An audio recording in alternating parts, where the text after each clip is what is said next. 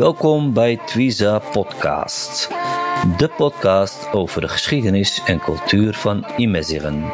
Mijn naam is Abdeslam Oulat Sedik. Wij gaan in gesprek met schrijvers, muzikanten, dichters, historici en andere cultuurmakers over de geschiedenis en cultuur van de Imeziren.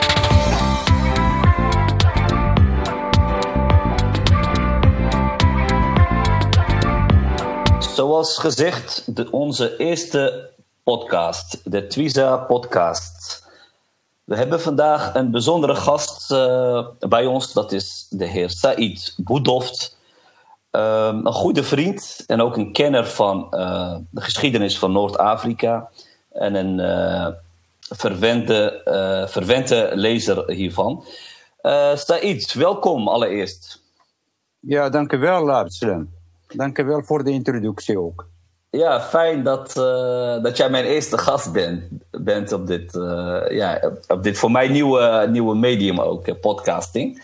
Ja, voor uh, mij ook trouwens. Ja, dus hartstikke goed. Ja, misschien voor onze luisteraars even kort vertellen ja, wie, wie precies uh, Said Boetoft is. Het is altijd fijn om, om te weten. Um, nou ja, ik ben uh, inmiddels uh, 55 jaar. Uh, ik ben al een tijdje actief binnen, uh, nou laten we zeggen, Marokkaanse gemeenschap. Ik, ik publiceer wat over Marokko. En ik ben nu bezig met een boek over de streek waar ik geboren ben.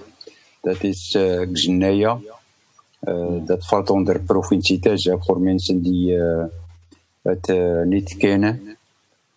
Uh, vandaar dat ik ook veel uh, geïnteresseerd ben in de geschiedenis van de omgeving waar ik geboren ben, maar ook de hele Marokko of hele Noord-Afrika, want die is met elkaar verbonden. Eigenlijk ook tussen Noord-Afrika en Europa zijn veel verbindingen door de geschiedenis heen. En daar ben ik in gaan verdiepen afgelopen, laten we zeggen, vijf, zes jaar.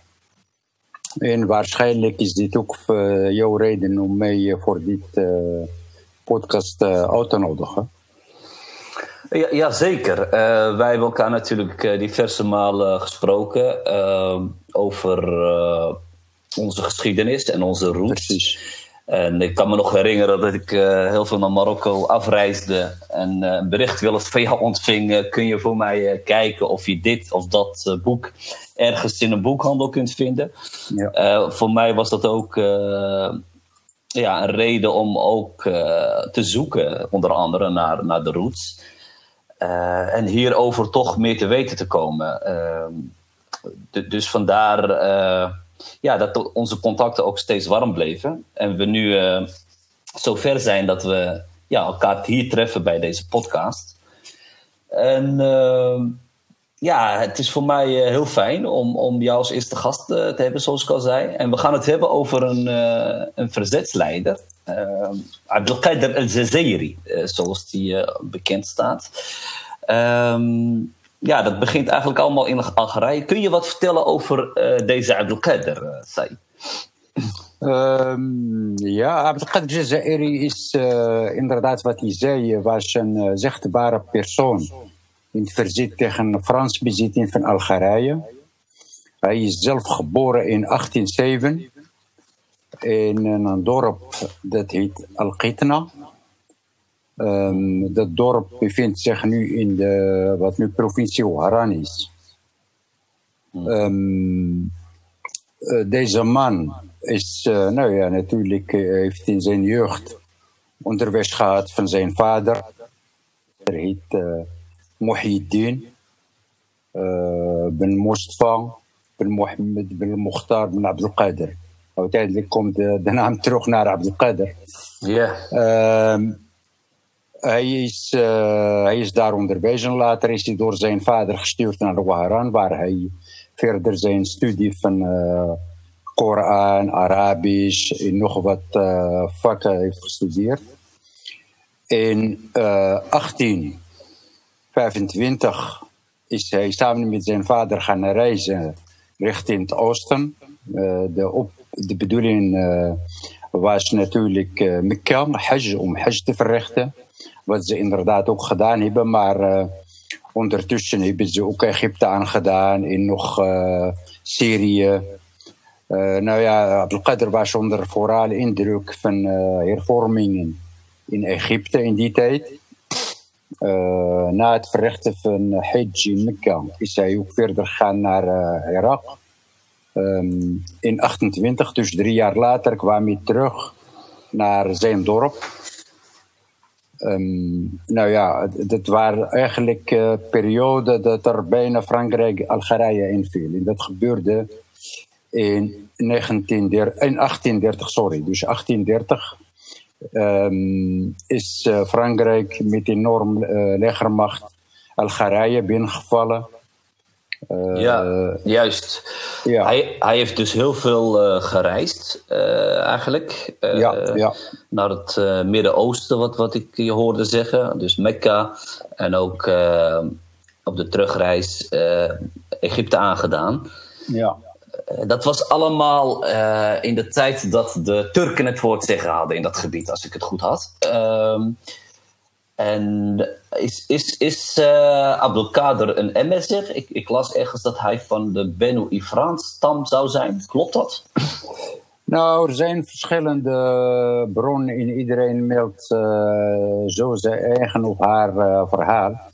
hij wordt inderdaad tot de Emmezer stam gerekend. Een stam die ook deels gevestigd is in, in, bij ons in Rif, bij Said. Uh, anders, uh, andere historici plaatsen hem met hele serie voorouders tot Ali. en dus ook als klein, hoe dat, laten we zeggen, zijn stam zou teruggaan tot Rasul, tot profeet Mohammed. Uh, het is afhankelijk van ja, aan, aan waar je waarde aanhecht. Uh, als hij uit stam zeggen komt en is Noord-Afrikaan en kan nooit uit stam Quraysh komen, waar vandaan de profeet afkomstig is. Dus in die zin is het, verschilt een beetje per, per, per bron.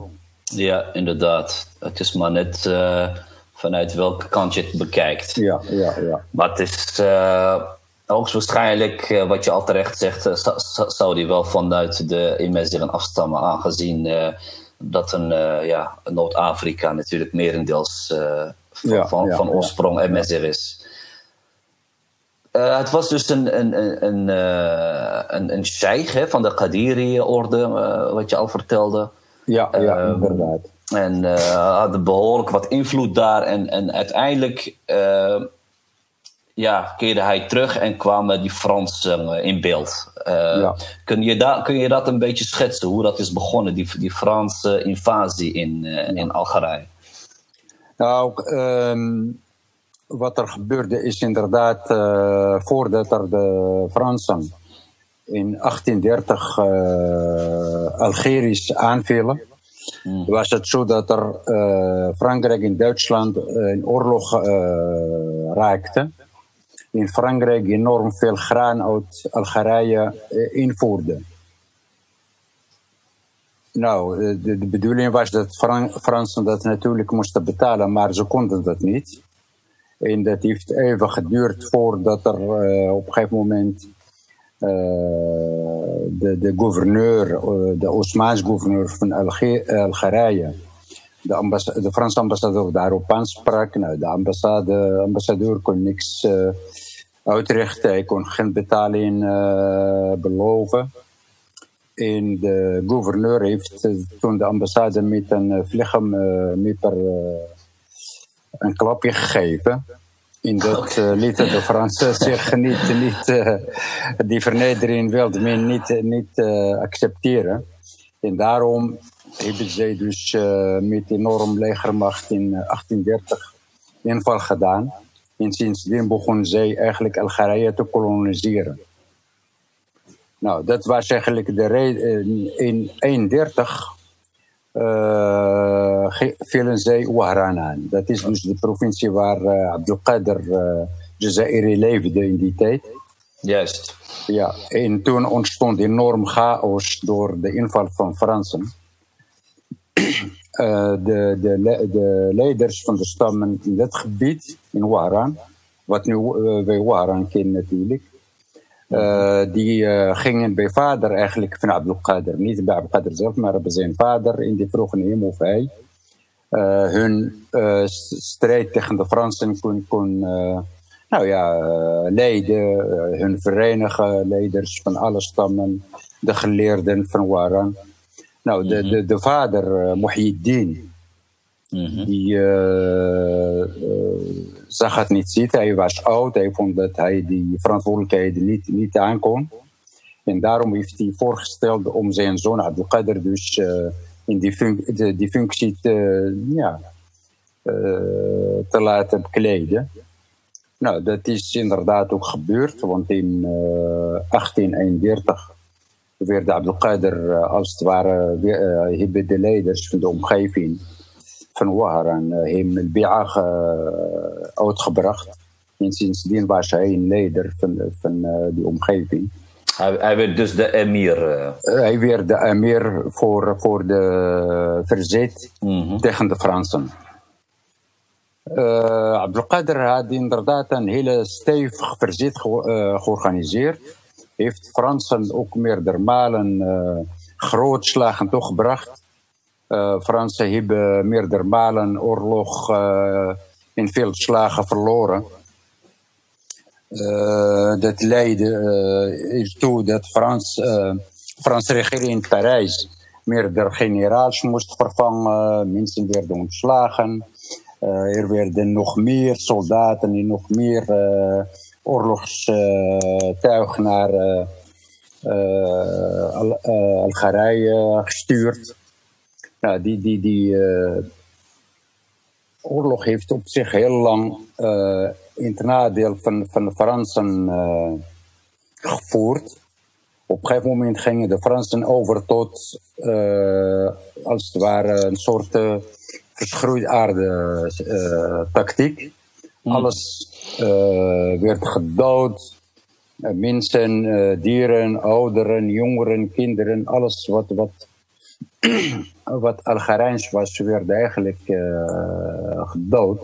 Een hele, oude tactiek, een hele oude tactiek is dat, sorry. Ja, ja, ja. er werden inderdaad, wat wij nu kunnen zeggen, enorm veel oorlogsmisdaden gepleegd. Um, nou ja, dat, is, de, dat was de reden voor verschillende Algerijnse leiders om zich uh, ja, op te geven in zich te onderwerpen aan Frans uh, kolonialisme. Ja. Dat ging heel lang zo. Het verzet kreeg hele zware klappen daardoor. Ja, absoluut. Ja. ja. Daardoor ging Abdelkader met zijn verzet wat zuidelijker in Algerije zich verplaatsen. Hij had als het ware een soort uh, mobiele administratie georganiseerd voor zijn, voor zijn uh, verzet. Met alles, in erop, alles erop en eraan. Uh, scholen, imams die meegingen, mensen die vrijwilligers trainden voor in guerrilla-strijd enzovoort. Dus dat was behoorlijk hoeveelheid mensen die mee verhuisden steeds om te verzet eh, te beschermen tegen de, de Franse eh, oorlogsmachine. ja. Um, en dat is uh, zo geduurd, eigenlijk laten we zeggen vanaf uh, 1831 tot met 1847. Uh, want toen verloor Abdelkader verloor definitief de oorlog. En heeft zichzelf, moest zelf onderwerpen aan Frans kolonialisme en heeft zich overgegeven aan de Fransen. Ja, ik had begrepen dat uh, de toenmalige uh, generaal of, of, bevelhebber van het leger, van het Franse leger, meer dan 100.000 uh, troepen tot, tot zijn beschikking had. En uiteindelijk, inderdaad, wat je net aangeeft, is dat in 1843 uiteindelijk verloor hij die, die strijd. Hè? En, en, en, en, zocht hij zijn toevluchtsoord naar Marokko, als ik het uh, goed Ja, ja, inderdaad. dat heeft hij uh, meerdere keren gedaan, overigens. kijk, wij weten nu dat er um, een grens is tussen Algerije en Marokko. In die tijd was de grens niet. Ja, mensen konden gewoon over en weer reizen zonder al te veel bromstof. Dat, dat gold ook voor uh, mensen die in verzet waren. Maar er kwamen in die tijd ook een heleboel uh, Algerij naar Marokko, die niet onder Frans, sorry, onder Frans uh, kolonialisme konden leven. En ze erkenden uh, sultan van Marokko als Amir al-Mu'minin en gingen over tot zich vestigen in, in, in met name wat wij nu weten als oosten van Marokko. Dat mhm. is de uh, omgeving van Ubenisnes en uh, in Rif zelfs. Ja. Um, dus er waren mensen die uh, uit, laten we zeggen, uit Algerije gevlucht waren. Er kwamen ook mensen van verzet om een beetje uit te rusten, om weer terug.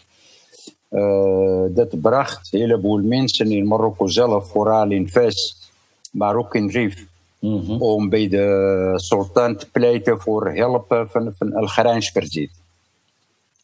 Mm Sultan Abdurrahman werd in die tijd min of meer uh, nou ja, gedwongen om toch uh, zijn leger te sturen naar, naar uh, Algerije. Zich gereed te maken voor de jihad. ja, precies. Ja, ja, ja, ja, ja, En dat is inderdaad gebeurde in 1844.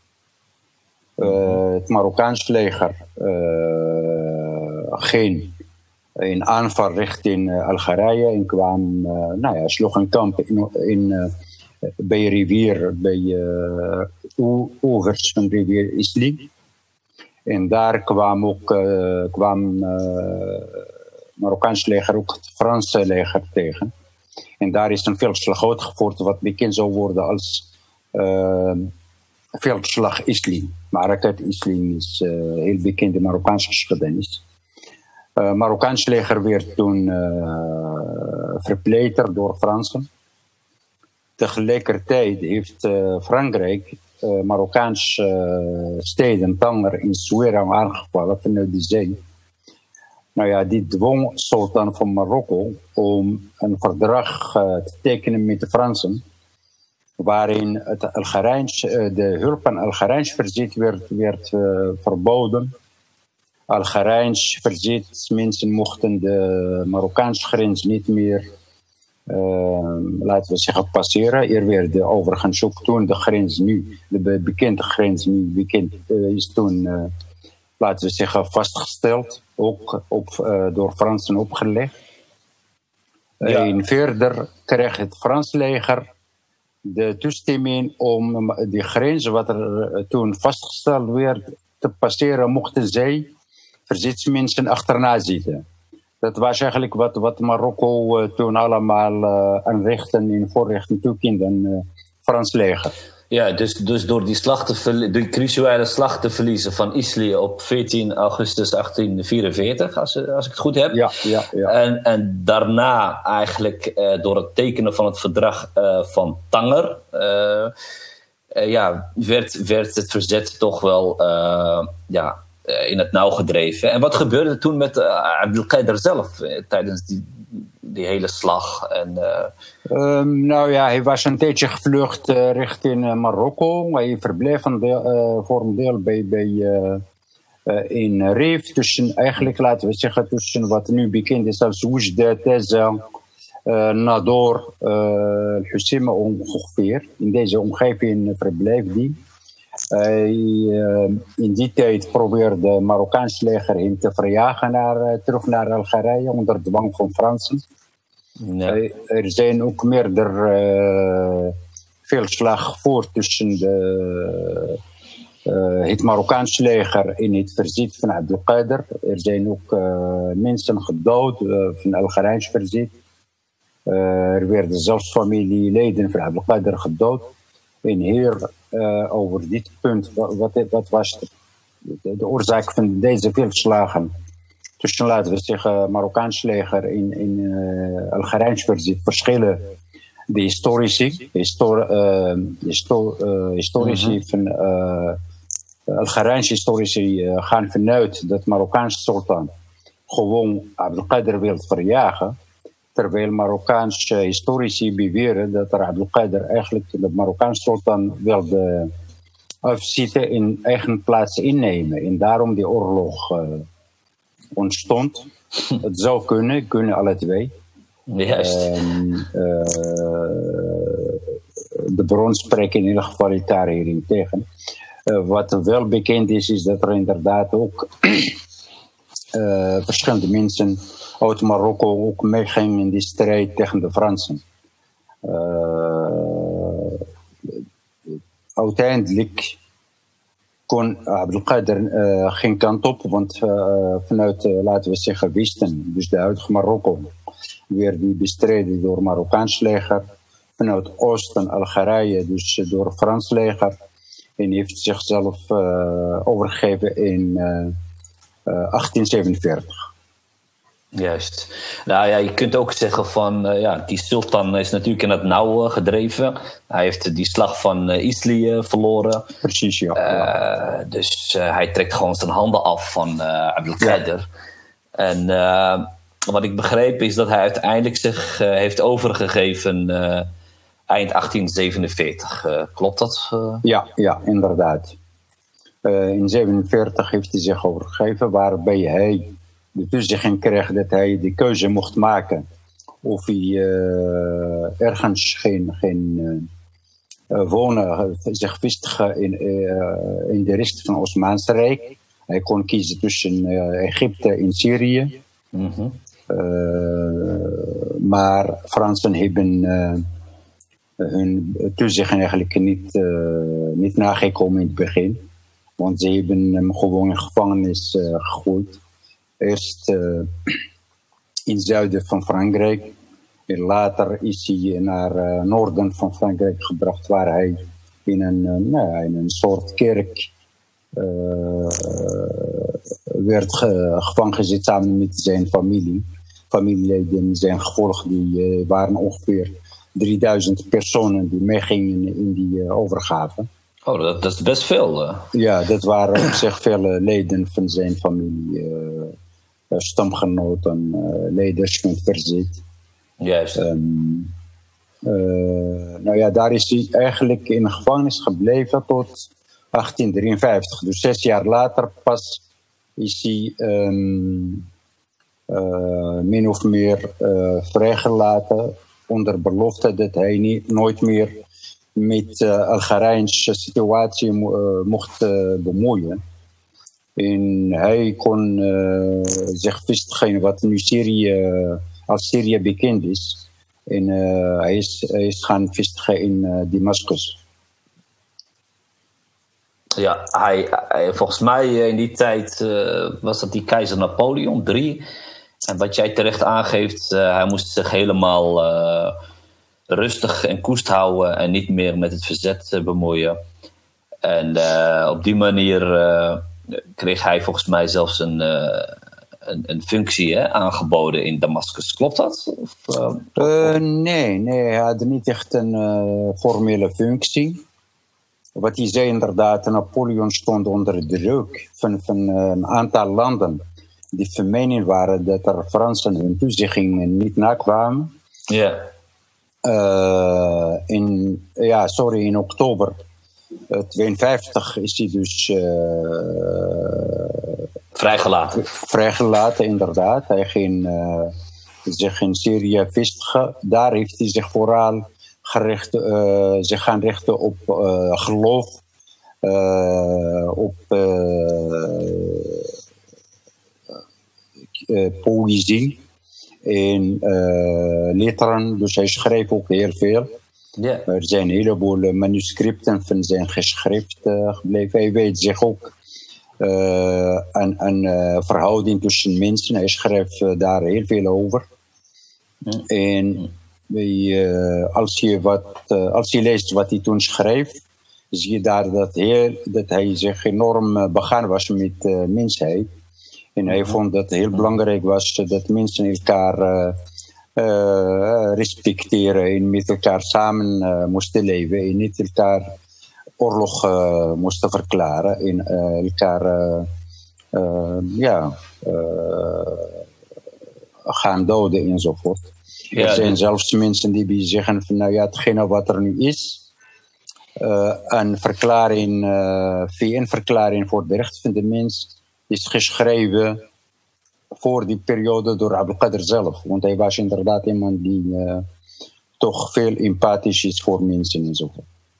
Ja, dus hij was vooral uh, humanist, of, of hoe moet je ja, dat zeggen? Ja, je zou hem inderdaad in deze tijd als humanist uh,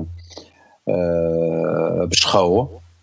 En hij heeft ook die erkenning gekregen, want hij is meerdere malen geprezen door verschillende landen. Ja. Zelfs de oude vijand Frankrijk zelf heeft voor hem een monument opgezet, heeft een munt met zijn afbeelding opgeslagen. heeft hij nou ja, verschillende dingen voor hem een aantal keren een soort herdenking georganiseerd. Uh, maar er bijvoorbeeld in Amerika is een uh, klein plaats naar hem toe genoemd. Die uh, bestaat nog steeds met naam Abdelkader. Dus er waren een heleboel landen um, die hem toch hoog achten, laat ik zo zeggen. En dat was vooral omdat hij hetgene wat hij dacht ook in praktijk bracht. Want toen hij gevestigd was in Damascus, is daar een oorlog uitgebroken tussen uh, moslims onderling, tussen uh, Sunniën en, en uh, Druzen. Ja, in Druzen, ja. Wa ja, Druzen waren een zware minderheid en die werden toch behoorlijk door Sunniën, Sunnieten, laten we zeggen, gedood. En Abdelkader heeft een heleboel slachtoffers zelf gered. Dat waren de Syrische christenen, sorry. Ja, ja. ja. Nou, nee, Druzen zijn ja, een beetje moslims. Oké. Uh, de, de, Abdelkader had eigenlijk een opvangkamp in zijn eigen tuin zelfs opgezet voor, voor Druzen. En dat hmm. uh, bracht hem veel erkenning internationaal. Ja, ja, precies. Vandaar natuurlijk dat hij uh, zo werd uh, beloond door, uh, ja. door Frankrijk. En ja, ook ja. las ik dat hij benoemd was tot grootkruis in het Franse legioen van eer, bijvoorbeeld. Ja, en dat hij, is inderdaad een van de beloningen waar ik het over heb. Ja, inderdaad. inderdaad. Ja, het is een interessant, interessant man. Ja, en, ja. en ehm, verder nog, uh, had, hij, had hij nog uh, kinderen? Of, uh, ja, natuurlijk heeft kind, hij had kinderen. Ja. nou ja, misschien is het belangrijk te melden, want dat is veel bijzonder. Ja. Bij ons zeggen wij dat Mohammed Abdelkader, Mohammed Abdelkarim Khattabi is geboren in 1880. Ja. Of 83, afhankelijk van, van welke bron je raadpleegt. Maar Abdelkader zelf is in dat jaar ook overleden. Je hmm. zou kunnen zeggen dat de ene leider eh, kwam te overleden terwijl de ene geboren werd. Ja, mooi. Zo, kun je zien ja, hoe de ja. geschiedenis uh, toch uh, eigen uh, ironisch momenten kent. Inderdaad, er, er overleed een verzetsleider en er werd er een geboren in, in de, in ja, de RIF. En, ja. ja, in hetzelfde gebied Noord-Afrika. Ja, inderdaad. Uh, maar in ieder geval, Abdelkader had, ja, dat is ook weer afhankelijk van bronnen die je raadpleegt, maar je kan vanuit gaan dat hij ongeveer uh, elf kinderen had. Mm -hmm. en de oudste, die kreeg vooral van zijn vader veel stimul stimulans om zich nou ja, te richten op het schrijven. Mohammed heet hij. Het is bij islamitisch gezien heel gebruikelijk dat je eerste kind ja. uh, naar Rasul benoemt. En dat is die hier uh, bij Abdelkader ook uh, gebeurd. Ja. Um, dus, maar daar, daarnaast zijn natuurlijk tien andere kinderen. En daarvan hebben wij in ieder geval in Marokko um, een aantal gekend. wij hebben te maken gehad met bijvoorbeeld uh, Abdelmalik. Dat is een na de, de jongste zoon van, van, van, van Abdelkader. Ja. We hadden ook te maken met Khalid. Die kwam ook naar Marokko. Mhm. In Frans geledingen overigens, want hij werkt voor Fransen. En toen Fransen naar Marokko kwamen in 1907, uh, eh, de eerste aanval op Casablanca in Oujda, laat ik zo zeggen, ja. is Khalid meegekomen. Uh, later is hij overigens overgegaan tot verzet tegen de Fransen. Dat is dus uiteindelijk gekozen voor verzet ja, dat zie je eh, inderdaad vaak. Dat de kinderen van een verzetsleider worden ingelijfd door, door, de bezetter. Precies, ja. ja en dat er uh, eventueel daarna weer uh, dat ze tegen de verzetter zich opnieuw gaan, gaan inzetten. Absoluut, ja. Nou ja, kijk wat er gebeurde met de kinderen van, van Abu Qadir is zo. Dat er, hij was je natuurlijk gevestigd in Syrië, wat, ik al mhm. zei. Mm Syrië viel in die tijd onder Osmaanse Rijk. Dus alle kinderen van Abdelkader zijn geschoold. Uh, in het algemeen onderwijs, maar ook in militaire zin. Bij, in, bij uh, opleidingen, in trainingen. Ottomaanse ja, militaire academies. Ja. En toen kwam de Eerste Wereldoorlog. Ja, ja. Uh, uiteindelijk heeft uh, het Osmaanse Rijk heeft gekozen voor de kant van Duitsland. En de Osmaanse sultan zag eigenlijk een kans om kinderen van Abdelkader te mobiliseren om uh, moslims in verzet te laten komen tegen de Fransen, Engelsen in Rusland. De, laten we zeggen, de bondgenoten van uh, tegen de Duitsland in het Osmaanse Rijk. Ja. Ja. Maar dat deden ook uh, Frankrijk. Frankrijk heeft toen ook de kinderen van Abdelkader geprobeerd uh, in, in, te leven. Om, om ook weer, uh, nou ja, laten we zeggen, gevoelens van moslims aan eigen kant krijgen. wat er ook gebeurde.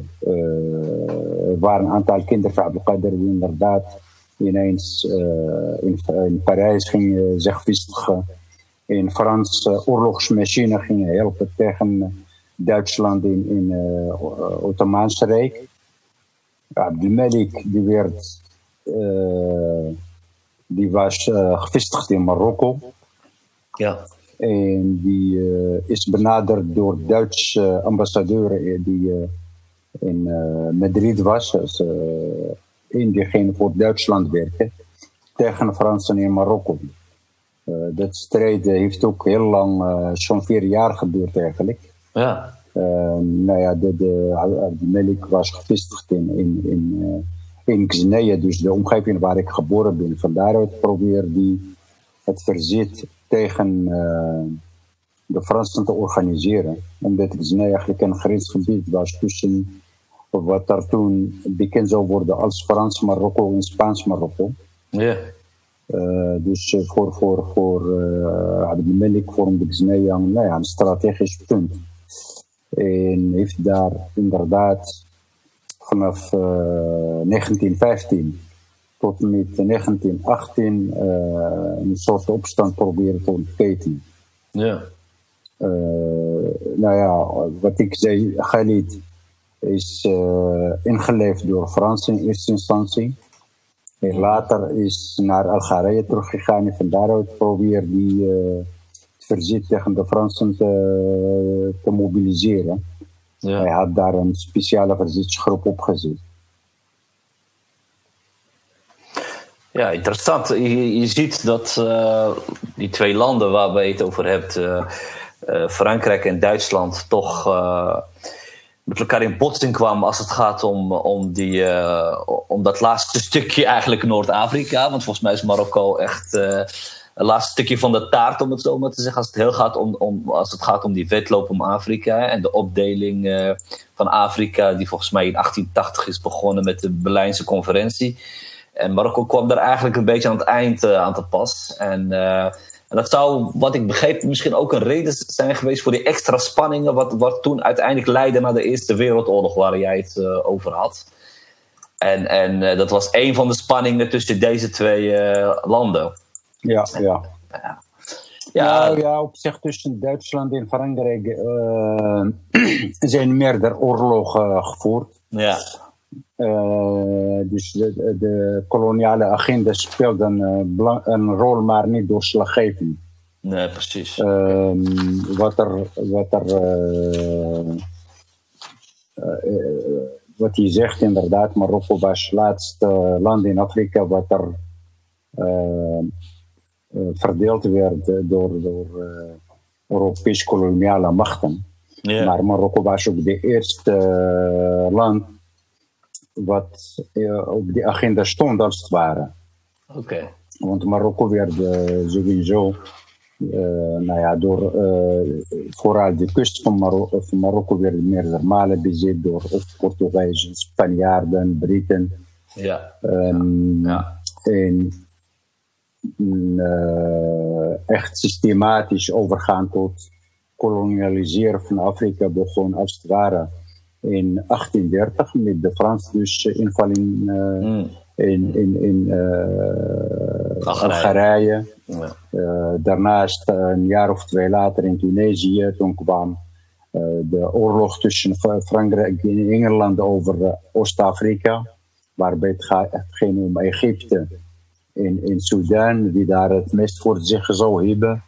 Daar zijn ook eh, tussen beide landen oorlog gevoerd. Uh, er zijn heel veel oorlogen gevoerd uh, steeds. Ja, absoluut. absoluut. Ja. Het is misschien een hele interessante ja. voor een volgende podcast. Een, om, om, ja. om, het te hebben over inderdaad de invasie in, in Marokko. Precies, ja. maar uiteindelijk stierf dus Abdelkader eigenlijk een, een, ja, een, een ja, gewoon een normale dood, zeg maar. In, in wat je het over had, in, volgens mij was het in 1883 ongeveer. Um, ja, en hij uh, werd toch uh, geëerd hè, door, door, door bijvoorbeeld, volgens mij is er ook in Algerije een moskee naar hem genoemd. Hè? In, in Constantine las ik ergens. Ja. jij had het natuurlijk al over een Amerikaanse stadje, El Kader, in, ja. in, in Amerika. En uiteindelijk uh, is hij natuurlijk in Damascus overleden. En, en, ja. Uh, toch? Ja. Hij is in Damascus inderdaad overleden, is daar ook begraven. Juist. Hij is pas, uh, zijn stoffelijke overschot is pas na bevrijding van Algerije in, 62, in 1962, is overgebracht naar Algerije. Ja, precies. Ja, want de, de, de FLN, zeg maar de bevrijdingsfront van Algerije, die uh, in uh, jaren 60, in de jaren 50, uh, begin jaren 60 een oorlog voert tegen de Fransen. Toen die verzet, toen die verzet ins, inslaagde om Fransen inderdaad tot terugtrekken te dwingen. Uh, hebben zij ook de, symbolisch de stoffelijke overschot van Abdelkader laten overkomen naar Algerije. En is uiteindelijk in zijn uh, geboorteplaats begraven. Ja, dat is wel uh, mooi uiteindelijk. Ja. Het is wel frappant dat zijn opvolger in Marokko, als je het zo mag zeggen, nu ook in Egypte begraven ligt. Begraven die... en is niet gelukt om zijn stoffelijk overschot nog, te halen naar nog zijn niet. geboorteplaats, helaas. Nee, inderdaad.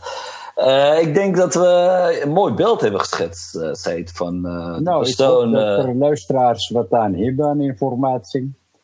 Ja, ja mocht er vragen zijn of zo in kunnen we daar een keertje weer over hebben. Als mensen de vragen kunnen sturen naar Twiza. Ja, dan kunnen we misschien een andere keer weer ingaan op de vragen. Dat is inderdaad een hele goede. Mensen kunnen ons, ons benaderen inderdaad via, via Tweezang, zowel op sociale media als, als via de website of de e-mail. Voor allerlei vragen of opmerkingen. Uh, ik wil je danken voor, voor je tijd en uh, voor, uh, voor je informatie over. Uh, de mensen wil ik ook bedanken die naar ons hebben geluisterd. En uh, graag uh, zou ik ze ook willen vragen om deze podcast natuurlijk uh, te delen met, met anderen. zodat, het, ja, zodat deze geschiedenis eigenlijk ook, ook gewoon gehoord wordt. Hè? En ook voor de jongere generatie. Ja, Denk je niet, ja.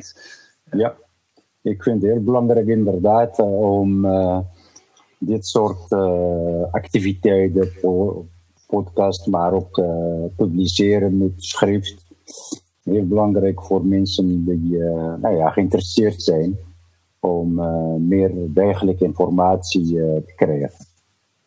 Ja, inderdaad, zeker. Dus nou, we, we, we, sluiten dit hier af en, en we, we zien je zeker terug bij een volgende podcast. inshallah. Ja, inshallah. Dankjewel, Said.